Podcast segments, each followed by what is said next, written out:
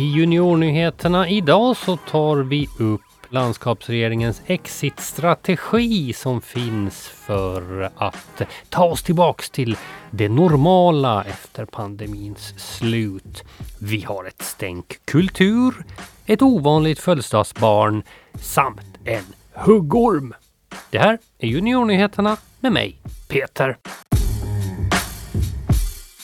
Vi ska börja med mordrättegången och branden då i Eckerö. För rättegången gick in på sin sista dag i onsdags och det var alltså den dagen som advokaterna håller sin slutplädering. Det vill säga att de eh, berättar varför de åtalade ska bli fria då eller hamna i fängelse.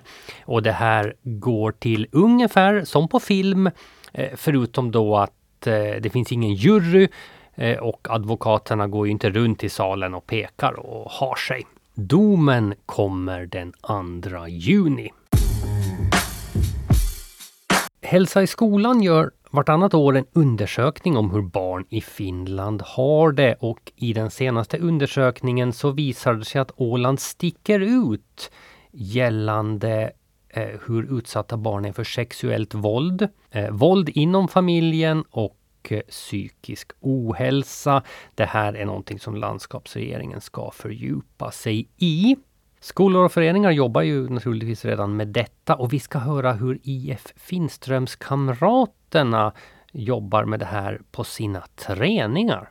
Idrott och sport, det förekommer fysisk aktivitet, det finns en tävlingsanda, det finns en laganda som kanske ibland kan, kan spilla över till en rivalitet till och med. Hur, eh, hur ska man få barn och unga att förstå att det finns en skillnad mellan en tävling på det här sättet och, och en faktisk motsättning? Jag tror att det där hänger främst på de tränare och ledare som finns i gruppen. Det är ju de som lägger standarden på vad som tillåts och inte tillåts att de direkt säger nej när de ser att, att någonting går lite överstyr och att man har regler från första början. Hur är vi i den här gruppen? Hur behandlar vi varandra?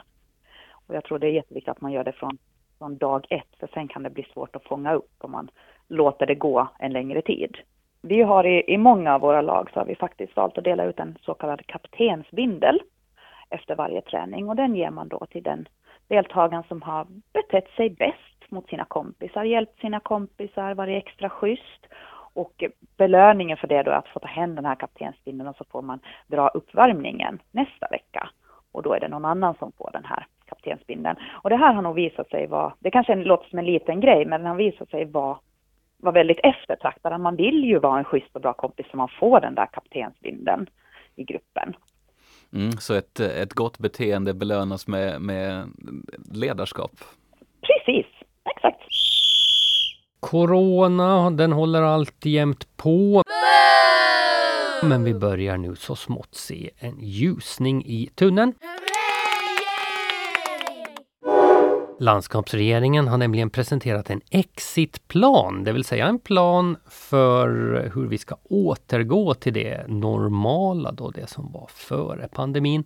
Det här förutsätter förstås att det inte plötsligt insjuknar en massa människor i corona och att vaccinationerna går som de ska.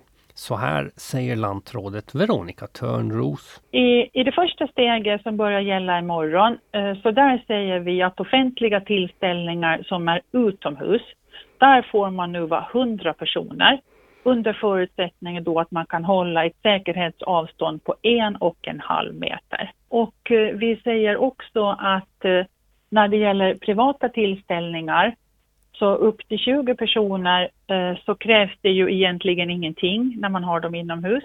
Mm. Eh, när man har det, vill man ha ytterligare personer hemma hos sig själv, då upp till 50 personer. För då behöver man ha olika säkerhetsarrangemang. Det här var det första steget av tre i exitstrategin och om allt går bra så kommer de följande två stegen göra att när skolorna börjar igen i höst så då är allt normalt. Håll tummarna nu! Nu ska vi uppmärksamma ett födelsedagsbarn som fyller 10.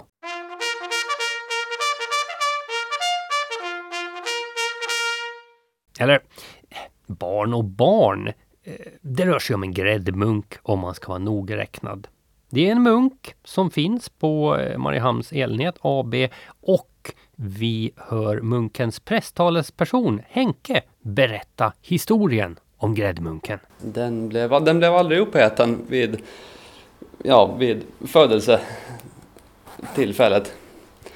Var det, någon, var det någon som var kinkig och var inte sugen på den den dagen, så den sparades till måndag. Och när måndagen kom så såg den fortfarande likadan ut som den hade gjort på fredagen, så den blev lämnad tills den skulle bli dålig och det har inte inträffat ännu.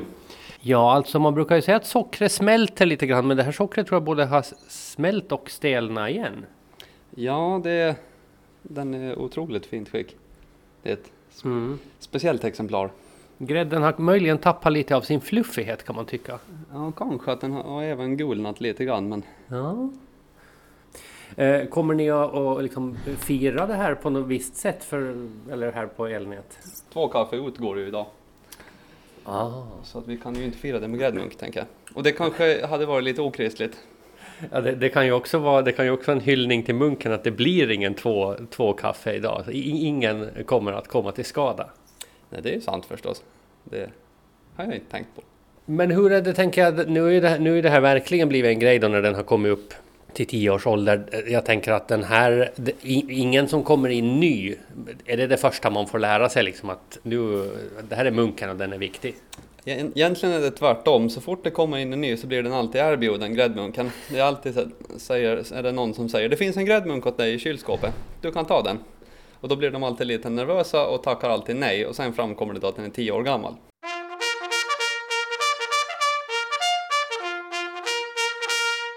Lite kultur på det här då.